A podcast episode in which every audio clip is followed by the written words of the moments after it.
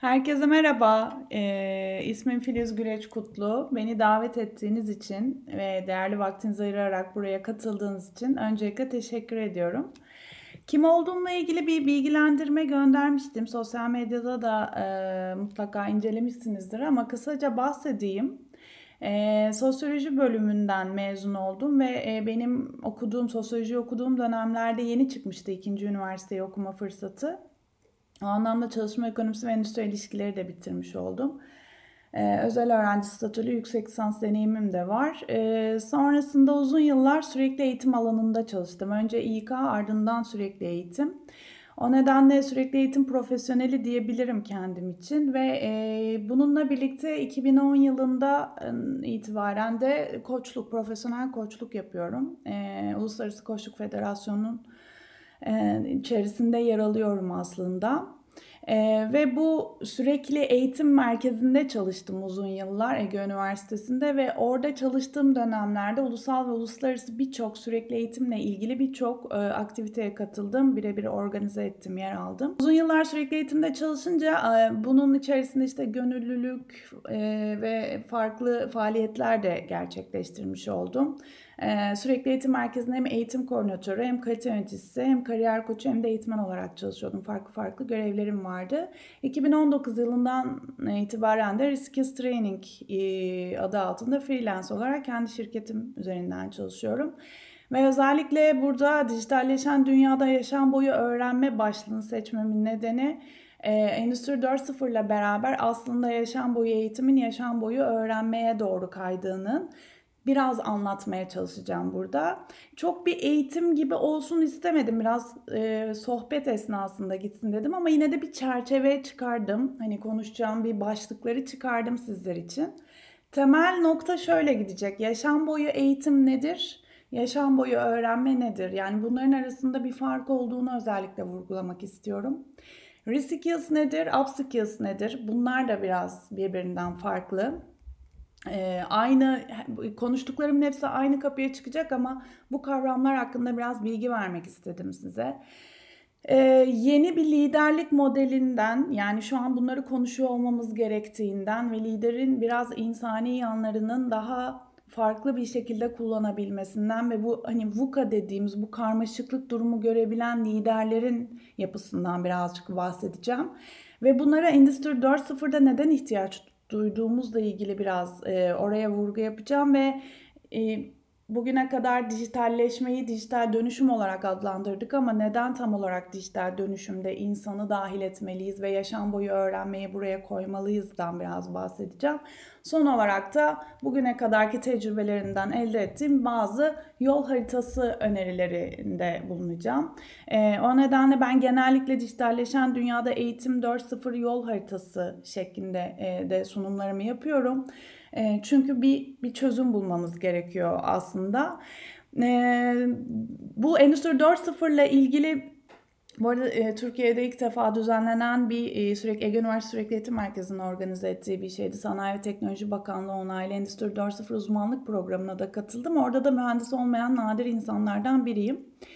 E, Endüstri 4.0 nedirle başladık aslında biz bu işi anlatmaya ve Dünya Ekonomik Forumu'nun aslında çok geçtiğimiz yıllarda ee, özellikle üzerinde durduğu bir konu vardı. Makineler bu rutin işleri yapabilir hale geldiğinde insanlar rutin yaptıkları işleri yapamaz duruma geldiklerinde ne olacak? Bununla ilgili bir çözüm bulmamız gerekiyor deniyordu ve biz de bunları anlatıyorduk.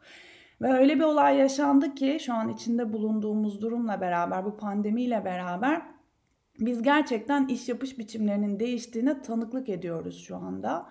Ee, ve birçok e, alanda aslında dijitalleştiğimizi görüyoruz. İyi ya da kötü eleştirilir ya da eleştirilmez o ayrı bir tartışma konusu ama bir anda eğitim sisteminin, köklü bir eğitim sisteminin ve hatta ağır ve yavaş olduğunu söylediğimiz eğitim sisteminin bir anda dijitalleştiğini gördük.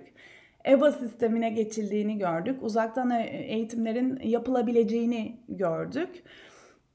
Ama işte orada e, aranızda ebeveynler de vardır eminim. Ben bir ebeveyn değilim ama çok fazla e, arkadaşım var bununla ilgili. E, iş yaptığım kişilerden de yardım telefonları aldım bu süreçte. E, sistemde bayağı bir aksaklık var. E, burada aslında özellikle tam bu noktada birazcık yaşam boyu eğitim ve yaşam boyu öğrenmeyi e, ayırmam gerekiyor. Çünkü süreç bunun üzerine gidiyor. Burada yaşam boyu eğitim belirli bir eğitim sistemine içerisinde dahil olarak planlı ve programlı verilmiş eğitimlerdir ve belli bir kurum ve kuruluşlar tarafından verilir.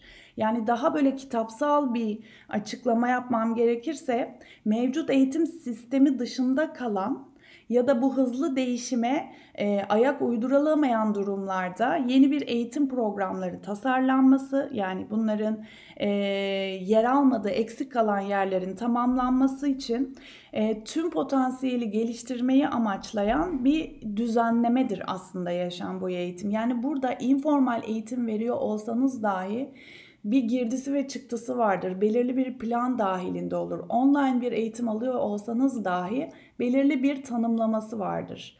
Ama şu an pandemi döneminde yaşadığımız bazı olaylardan örnekler göstereceğim ki yaşam boyu öğrenme daha önemli bir hale geldi. Peki nedir yaşam boyu öğrenme? Bireyin içsel ve bireysel sorumluluğu kapsamında ihtiyaç duyulan eğitime kendi yönelimini ifade eder. Yani bir kişi neyi nereden öğreneceğini kendi özgür iradesiyle kendisi için belirlediği hedeflere uygun olarak kendisi özel olarak seçer ve seçmediği durumlarda bile içinde bulunduğu yani mesela bu seminere katılıp e, bu webinara katılıp buradan aldığınız herhangi bir küçücük bir ışık sizin kafanızda başka bir şey yaratıyorsa aslında yaşam boyu öğrenmenin içerisinde bir öğrenmişlik kazanıyor oluyorsunuz. Ve e, Endüstri 4.0 ile birlikte e, bu işte hızlı dönüşümü, iş yaşamındaki, iş yapış biçimlerindeki bu hızlı dönüşümleri anlatmaya çalışıyorduk ve bunun için sizin yaşam boyu öğrenme anlayışına geçmeniz gerekiyor diyorduk. Ve Harari mesela bunu çok güzel anlatıyor. Şöyle demiş, 40 yaşındaki bir insansız hava aracı pilotunun sanal dünya tasarımcısı olarak kendini yeniden yaratması gerekecek ve bunun için ne, ne yapmak gerekiyor? İşte burada yaşam boyu öğrenmeyi zorunlu hale getirmemiz gerekiyor. Ben bunu okuduğumda tabii e, hani insansız hava aracı, işte e, sanal dünya tasarımcısı vesaire böyle şeylerin fütüristik olarak konuşulduğunu duyuyorduk ama bugün yaşadığımız pandemide bunun gerçekliğine döndüğümüzde işte lojistik sektöründe çalışanların ne kadar zor durumda kaldığını görüyoruz. Sağlık çalışanlarının ne kadar zor durumda kaldığını görüyoruz. Bankacılık sektörünün çok büyük bir değişime ve dönüşüme geçmesi gerektiğini görüyoruz ve yaşıyoruz yani bunları e, birebir. Mesela lojistik sektöründe insanlar sağlıklarını kaybetme riskine karşı hala çalışmak durumundalar ama aslında dronlarla bazı e, yani makinelerle, robotlarla e, bu lojistik işinin e, çözülebileceğini görüyoruz.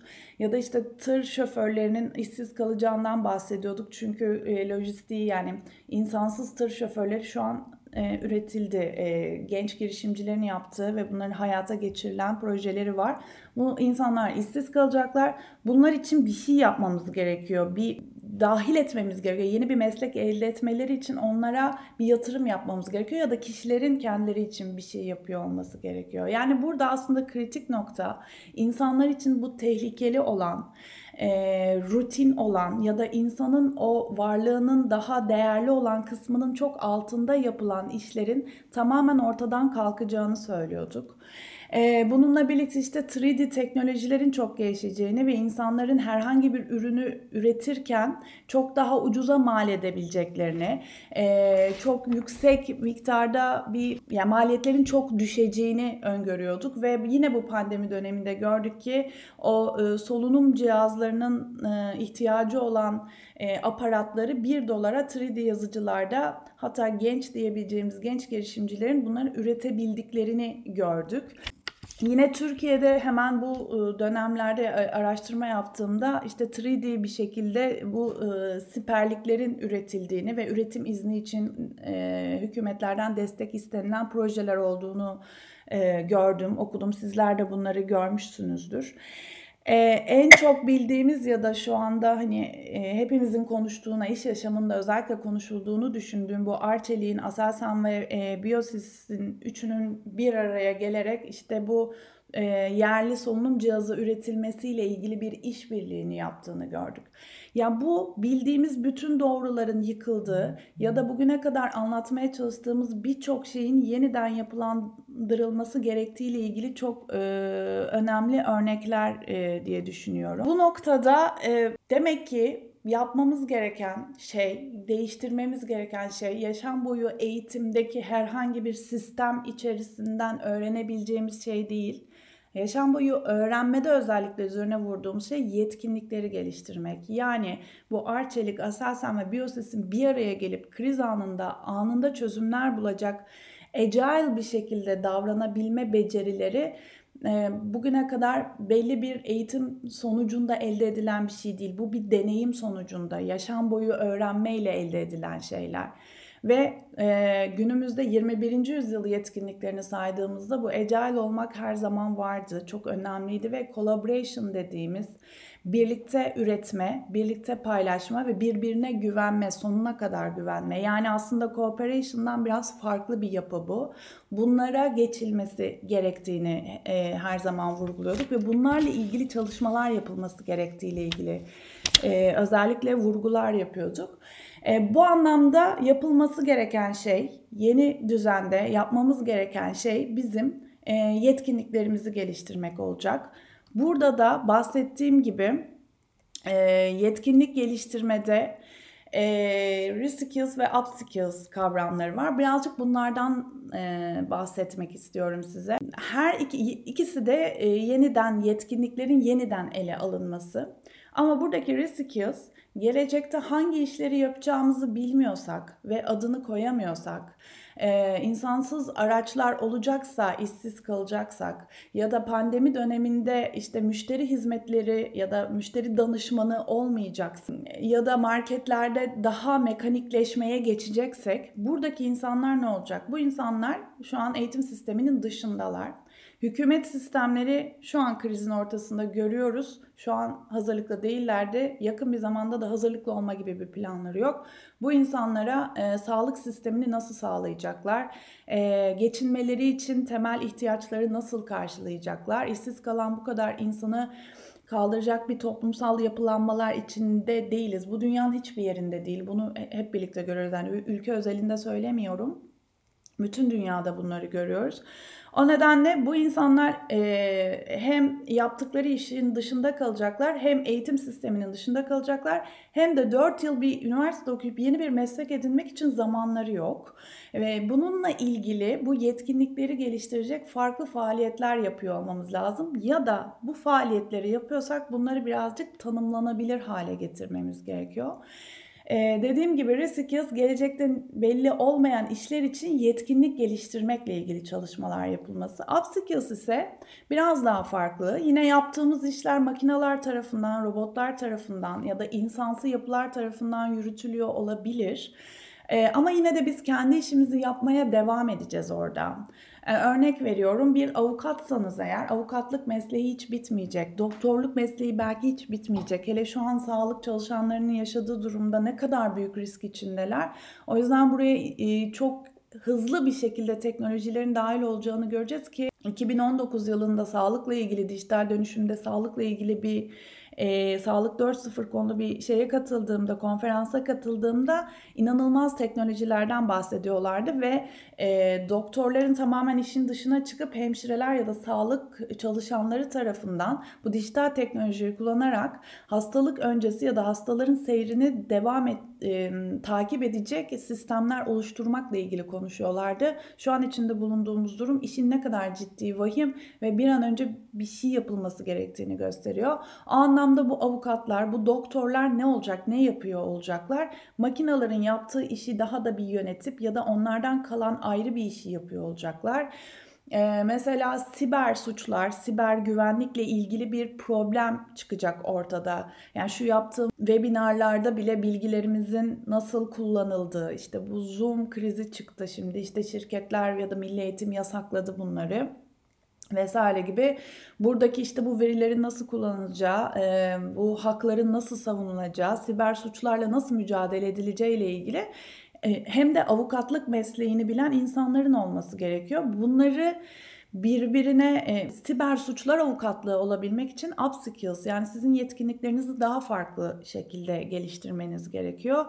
O anlamda e, bu, bu, bu tarz e, işlerle başa çıkabilmek için de e, en etkili yapılması gereken şey e, yetkinliklerin geliştirilmesi e, olacaktır yine. E, bu yetkinlikler dediğimiz şeyler işte kriz yönetimi mesela, işte yaratıcı yeni fikirler bulabilme, işte collaboration yani bir arada verimli çalışabilme, sonuç odaklı çalışabilme, agile olma, bir anda çevik olma, bir anda yeniden organize olabilme, hızlı çözümler sunabilme gibi.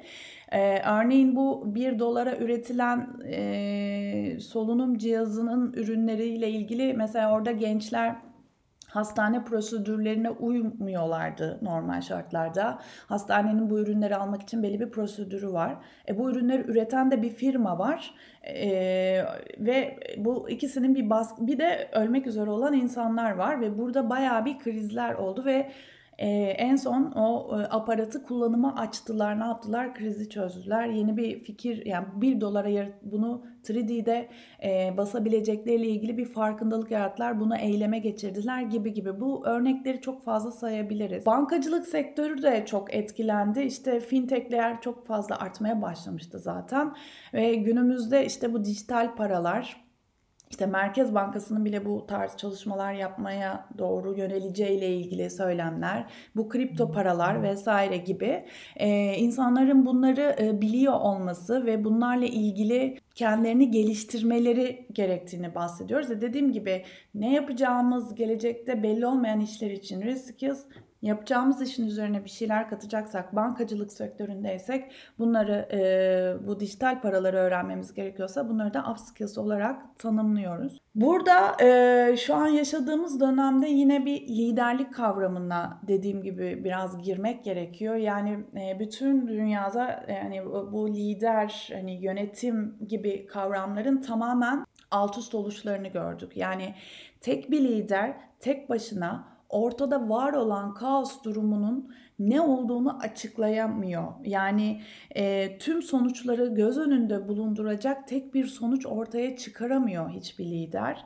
E, ve hızlı ve tahmin edilemeyen, hiçbir zaman tam olarak kontrolün sağlanamadığı, bir belirsizliğin yaşandığı, e, lineer olmayan hiçbir şeyin yani doğrusal bir etki ve tepki e, sonuçları yaşanamayan bir durumlar olduğu ve başkalarının verdiği herhangi bir tepkiye bütün olayın yeni baştan yapılandığı bir süreci yaşıyoruz aslında.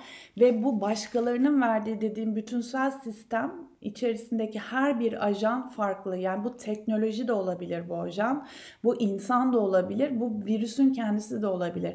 Siz e, sağlıktaki bu krizi çözmek için virüsün bütün yapısını anlayıp bir çözüm sunduğunuzda virüs evrim geçirebilir ve bu noktada bu evrime göre yeni baştan bir sistem, yeni baştan bir düzenleme yapmanız gerekir. İşte burada e, bu tam olarak VUCA'nın içinde yaşıyoruz. Yani bu VUCA olarak tanımladığımız, burada ne oluyoru tanımlamak için kullandığımız bu yapıyı şu an içerisinde yaşıyor. Ve liderler işte bu VUCA ortamında bununla tek başına, tek başlarına başa çıkamayacaklarını hem gördük hem gösterdiler, kendileri de fark ettiler diye düşünüyorum.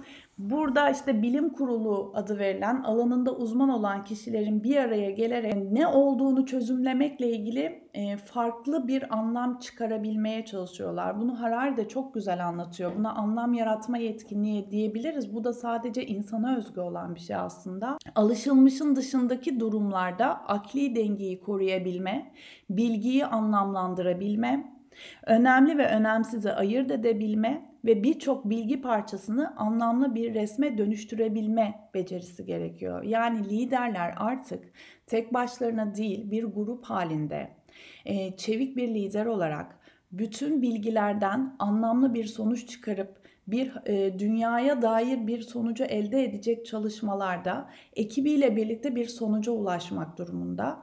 Yani burada lider tek bir kahraman, tek bir lider anlayışı artık tamamen gidiyor. Farklı liderler, çevik liderler ya da takım liderleri ya da proje lider bu anlamda işbirliği içerisinde yani collaboration dediğimiz işbirliği içerisinde çalışacakları bir e, değişime, yetkinlik gelişimine ihtiyaçları var diye düşünüyorum.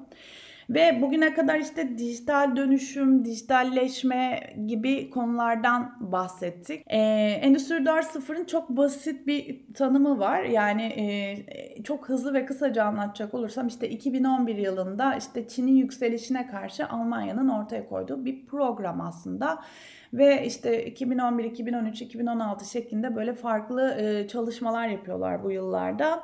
E, ve bugün bildiğimiz Endüstri 4.0 kısmına açıklamalarına geliyor. Buradaki en önemli şey en hızlı şekilde işte ürünü markete sunabilmek, bunu müşterilerin istediği şekli, şekilde esnek üretebilmek ve bunu yaparken de bir de verimli olabilmekte aslında ve tanımladığımız yapıyı gerçekleştirebilmesi için dijital teknolojileri kullanması gerekiyor deyip işte e, bunun temel bileşenlerinden bahsediyoruz. İşte nedir 3D yazıcı ki hayatımıza ne kadar girdi şu an onu görüyoruz.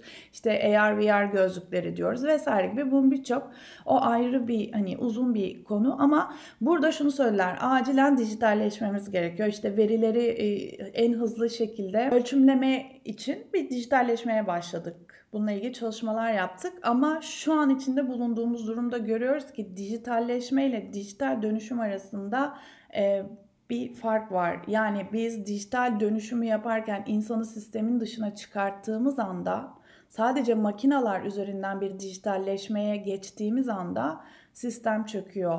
Şu an EBA sisteminin kullanılmaması, öğretmenlerin Zoom'u kullanması, Zoom'u kullandıkları için yasaklanması, başka nedenlerden dolayı. Bir kere öğretmenlerin bu uzaktan eğitim teknolojilerini kullanmakla ilgili bir belki de becerileri yoktu. Yani çok zorlandık diyorlar ve hala devam ediyor bunlar. E, eğitimi dijitalleştirmek bile başka bir teknik ve baş, başka m, beceriler gerektiriyor. Ve öğretmenlerin bu tarz becerilere sahip olmadıklarını gördüm. Ve uzaktan eğitime geçmenin sadece dijitale dönüştürme olmadığını gördük. O nedenle burada dijital dönüşümü gerçekleştirmek istiyorsak insanı gerçekten devreye almak ve insana yatırım yapmak gerekiyor. Neden insana bu, bu kadar yatırım yapmak gerekiyor? Bu çok önemli bir şey. Çünkü biz makineden çok farklı bir şeyiz. Yani makina e, sadece belirli bir veriyi alıp yani sizin vermiş olduğunuz bir veriyi alıp ona bağlı olarak bir sonuç çıkarabiliyor. Yani bunu nasıl anlatabilirim? Şöyle yani insan makineden farklı olarak herhangi bir durum karşısında karar verirken gelen inputlara karşı değil, bir şekilde geçmişten gelen deneyimlerden kaynaklanan, o durumda yaptığımız yargılamaya dayanan karışık bir süreç ve bu sürecin sonunda da daha önce hiç karşılaşmamış bir sonuca ulaşabiliyorsunuz. İnsanın en önemli özelliği bu. Farklı bir sonuç çıkarabilme yeteneği. Makine ise sadece dış dünyayı veri olarak algılıyor. Yani insan gibi bir zaman ve mekan algısı yok. Bir bilgi geliyor A'dan B'ye gidilecekse A'dan B'ye insandan çok daha hızlı, çok daha iyi, çok daha verimli bir şekilde gidebiliyor. Ama asla A'dan C'ye gidemiyor. Ee, bunu yapabilen sadece insan. Ee, böyle geçmişten gelen bir deneyimi o an zaman ve mekanla bağlı olarak bir çıkarım becerisi var aslında. Yani okuduğumuz bir kitabı e, farklı ikinci defa okuduğumuzda farklı bir anlam çıkarabiliyoruz ya da e, kendimizle ilgili farklı çözümler çıkarabiliyoruz. E, bu yaptığımız işlerle de ilgili yani dijital dönüşümle ilgili, dijitalleşmeyle ilgili aldığımız herhangi bir veri, herhangi bir eğitim bizimle beraber çıkışta farklı bir sonuca bizi götürebilecek bir şey haline geliyor. Hani böyle bir durumda şeyi söyleyebilirsiniz. Hani AlphaGo mesela dünya e, şampiyonunu yendi, satranç şampiyonunu yendi ama sadece o konuda uzmandı. Yani makinalar insanların rutin ve basit ve tehlikeli işlerini yapabiliyor olacaklar. Çok daha iyi ve verimli yapabiliyor olacaklar ama insanın yapabileceği her şeyi yapamıyor olacaklar. O yüzden sadece dijitalleşme değil, dijital dönüşüm insanı dahil ettiğimiz noktada e, gerçekleşmiş oluyor. Ve insanı dahil ediyorsak eğer bu sisteme, insanın bilinç düzeyindeki değişim ve dönüşümleri de dahil etmemiz ve daha sonrasında e, bu sistemleri e, bu bakış açısıyla da bakmamız gerekiyor. Dediğim gibi ben bir sosyoloğum aslında temelde ve toplumsal değişimlerle ilgili işte toplumsal sınıfsal yapılar, bunun ekonomik bağlantıları e, gibi bir tanımlama yapıyoruz değil mi sosyal bilimlerde. Bir yandan da işte birinci sanayi devrimi, ikinci sanayi devrimi diye böyle işte sanayi devrimlerini e, anlatıyoruz vesaire. Ama insan bilincinin değişimini de burada tanımlamamız gerekiyor. E, yani spiral dynamics dediğimiz yapılar bunlar. Bunları da çok hemen hızlıca geçeceğim. Yani çok ayrıntılı anlatmaya gerek yok ama her toplum e, aşağıya ve yukarıya doğru birbirine bağlı iç içe geçmiş durumdadır. Ve şu an yaşadığımız dönem aslında bizi integral döneme hazırlayan bir dönem. Ya da uzun zamandır böyle bir şeyin olacağı ile ilgili söylemler vardı ve biz biz bilinci gibi yani birlikte var olabilmek, birlikte bir şeyler yapabilmekle ilgili bir bilinç değişimi var. Yani eskiden ben başarıyım, benim şirketim, ben ben liderdim, ben onları yönettim anlayışlarının tamamen dışına çıkıp biz beraber ne yapabiliriz? Yani şu sokağa çıkmada bile birlikte hareket edersek birlikte başaracağız e, duygusu söz konusu olmaya başladı. Ve gerçek bir mutluluk ve doyuma ulaşmak istiyorsak bu ilerleyişte elimizden gelen en büyük çaba ile başkaları için de çözümler bulmak, paylaşmak ve dahil etmek e, durumundayız. E, az önce bahsettiğim aslında collaboration birazcık bunları ifade ediyor. Bu e, insanları hayatta tutabilmek ve o insanların yaşamasını sağlamak için solunum cihazlarını çok acil bir şekilde hiçbir daha önce böyle bir çalışma yapmamış mühendislerin bir araya gelip bunu bu çözüme ulaşmaları gerekiyor. Tabii ki de arkasında ekonomik kaygılar var. Tabii ki de bundan bir kar elde ediliyor. Ama şu an için amaç o insanları yaşatmak ve bu bilincin de bu devrimde, dijital dönüşümde dahil edilmesi gerekiyor. O yüzden sistemsel yapıları organize ederken, bu yetkinlikleri geliştirirken e, bunlara biraz odaklanmak gerekiyor. E, bununla ilgili iletişim yöntemleri kurmak gerekiyor gibi. Hemen birazcık stratejik olarak neler önerebiliriz? Yani Biraz durumu tanımladık. E, açıkçası e, çok kötü bir olay yaşıyoruz evet ama bizim bugüne kadar acil düzeltilmesi gereken eylem planlarını anlattığımız şeyleri şu an yaşıyor olmak ve bakın demek e, güzel bir şeydi açıkçası. Dediğim gibi yaşanan kötü olaylar bir yana bu değişim ve dönüşümün acil yapılması gerektiğiyle ilgili farkındalığın e, herkese yayıldığını düşünüyorum. Bunun için dediğim gibi yetkinlikleri geliştirmek, bunun için kurumsal eğitim adını veriyorum ben. Eğitim geçmişim olduğu için yani yaşam boyu öğrenme geçmişim olduğu için dijital dönüşümde bu kurumsal eğitim kısımlarının yani kurumsal learning management sistemlerinin yeniden yapılanması gerektiğini söylüyorum. Ve kişisel olarak dediğim gibi Reskills ve Upskills kişisel olarak bir şeyler yapacağız. Yaşam boyu eğitim, yaşam boyu öğrenme, bireysel tercihlerimiz varsa ben buna kişisel learning management sistem diyorum. Yani kendi öğrenmelerimizi belirlememiz gerekiyor. Ee, öğrenmeyi öğrenmek aslında bu ve e, böylesi bir ortamda kriz ve e, kriz ortamlarında neyi öğrenmem gerektiğiyle ilgili kendime bir yol haritası çizmem gerekiyor. Bu nedenle e, ben bunu e, özellikle koçluğu yani koçluğun bu yol haritasını çizmekte çok çok büyük bir faydası olduğunu düşünüyorum ve genellikle ben müşterilerimle bu şekilde çalışıyorum. Çünkü e, gitmek istediğimiz yerin neresi olduğunu bilmiyorsak dediğim gibi bir sürü dijital teknoloji var. Böyle bir şeylerin olduğunu biliyorduk ama ne zaman bizim işimize yarayacak ve ne zaman kullanacağız bilmiyoruz. İşte koçluk bunları önceden bildirtip, söyletip iş yaşamına aktarılmasını sağlayan bir şey. Yani siz koçlukla o anda kişinin kendi farkındalığını, kendi ihtiyaçlarını dürüst bir şekilde kendi kendine bulmasını sağlıyorsunuz. Ve bunu iş yaşamına taşıyorsunuz. Ve iş yaşamının geleceğinin neler olacağı ile ilgili öngörülerini daha gerçekçi o smart hedefler dediğimiz smart hedeflere dönüştürüyorsunuz.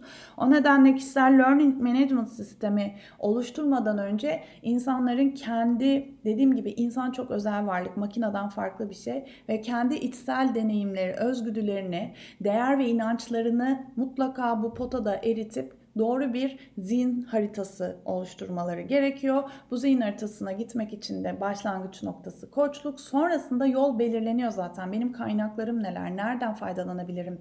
Gitmek istediğim yol buysa hangi teknolojileri kullanarak hangi eğitimler alabilirim? İş yerinde neler yapabilirim gibi. Bu anlamda bu e, bu segment tamamlandıktan sonra kişisel learning management sistemimizi tanımlamamız gerekiyor. O da uzun bir süreç. E, onları geçiyorum. Ama burada özellikle vurgulamak istediğim şey ee, tamam kendi yolumuzu çizdik. Öğreneceğimiz şeyleri öğrendik. Birçok da deneyimimiz var. Bunları nasıl tanımlayacağız? İşte zaten büyük sorunlarından bir tanesi buydu. Ve yaşam boyu öğrenmede bu e, dijital açık rozetler. E, biz e, Risk Training olarak da yaptığımız etkinlikler sonrasında e, açık rozetler kullanıyoruz. Nedir bu rozetler? Yeni yetkinlikleri sergilemek öğrenmeyi tanımlamak ve doğrulamak için kullanılan çevrim içi standartlardır. Bununla ilgili bilgilendirmemiz de var. E, oradan e, bilgi alabilirsiniz. Yani siz herhangi bir gönüllü çalışmada, herhangi bir sosyal çalışmada, e, iş yapış biçimlerinizde kazandığınız herhangi bir yetkinliği nasıl tanımlayacaksınız? Kurumsal sistemlerde bunları nasıl KPI'lara dö- değiştirip dönüştüreceksiniz? İşte dijital rozetler bunlar için kullanacağınız bir şey ve şu an yani bu gelecekte bunların çok daha önemli olduğunu düşünüyoruz. Uluslararası tanınırlık bağlamında da önemli bir hale gelecek. Şöyle örnek vereyim. E, artık yapay zeka işe alım yapacağı için yapay zeka belirli standartları okuyabilmesi için bu dijital rozetler çok daha fazla, açık rozetler çok daha fazla kullanılacak. Bunları göreceksiniz. O nedenle kurumların da kişisel olarak yaptığınız çözümlerin dışında kurumların da bunları tanımlıyor olması gerekiyor. Yani siz katıldığınızı bir e, rozetlerle, dijital rozetlerle tanımlıyorsunuz ama kurum bunu tanımıyor. İşte o yüzden kurumların, hükümetlerin yapması gereken şey bu. Bir öğrenme kültürü oluşturmak, bu öğrenme kültürü içerisinde de öğrenilenleri ve çıktıları dijitalleştirmek, bunları ölçümleyebilmek ve tanımlayabilmek, bu kariyer gelişiminde bunları kullanabilmeleri gerekiyor. Ve her ne kadar dijital teknolojiler olsa da biz sadece birbirimizden öğreniyoruz. Yani insanın öyle de bir şey var. Yani bir yanında bulunduğumuzda biri bir şey uğraşırken deneyimlediğimiz anda daha çok öğreniyoruz ve yapılan araştırmalar bunun %70 olduğunu söylüyor. O nedenle işte bir arada çalışma imkanlarının artırılması, bilen kişinin kendini anlatmasına izin verilmesi, ee, yaşam boyu öğrenmeye e, yani ayda 2 saat mutlaka zaman ayrılması. Yani görev tanımının içerisinde her ay 2 saat işte kendi belirlediği ya da o kurum kurumsal yapı ve e, o vizyon e, buna dahilse o noktada o iki saati mutlaka ayırıp bunu raporlaştırması gerekiyor gibi e, teknikler var. Bununla birlikte mutlaka dış uzmanlarla çalışılmalı. Yani bir eğitimi e, online'e çevrilecekse bununla ilgili uzmanlarla çalışılmalı. E, bu organizasyondaki becerileri e, izleme ve ölçme ile ilgili mutlaka uzmanlarla çalışılmalı. İnsan kaynaklarının tamamen değişmesi ve e, buna Chief Learning Officer dediğimiz yeni bir e, meslek aslında bu. Yani sadece bu öğrenmelerle ilgili bir organizasyon kurulması gerektiğini düşünüyorum. Bununla birlikte bu dijital açık rozetlerin çok daha yaygınlaştırılması ve kurum içerisinde de kullanılması gerekiyor. Ee, çok az vaktimiz kaldığı için e, son olarak sözlerimi şöyle bitirmek istiyorum. Dünya Ekonomik Forumu 2022 e, yetkinliklerini e, uygun yani bu yetkinlikleri geliştirmeye uygun stratejiler geliştirmeye çalışıyor ve bu noktada da yeni bir proje başlattı. Onları takip etmenizi öneririm ben. E, Reskilling Revolution Platform diye işte Manpower, Adecco Group, işte Coursera, LinkedIn'de var içerisinde. Hindistan, Pakistan, Rusya'da var. Hem ülkesel hem şirketsel bazda artık bunlar da birbirine karışıyor biliyorsunuz. E, herkesin içinde olduğu ve bu e, reskilling kısmını çalışacak birçok çalışmalar var. Bu konudaki çalışmaları takip etmenizi, e, beni dinlediğiniz için teşekkür ederim.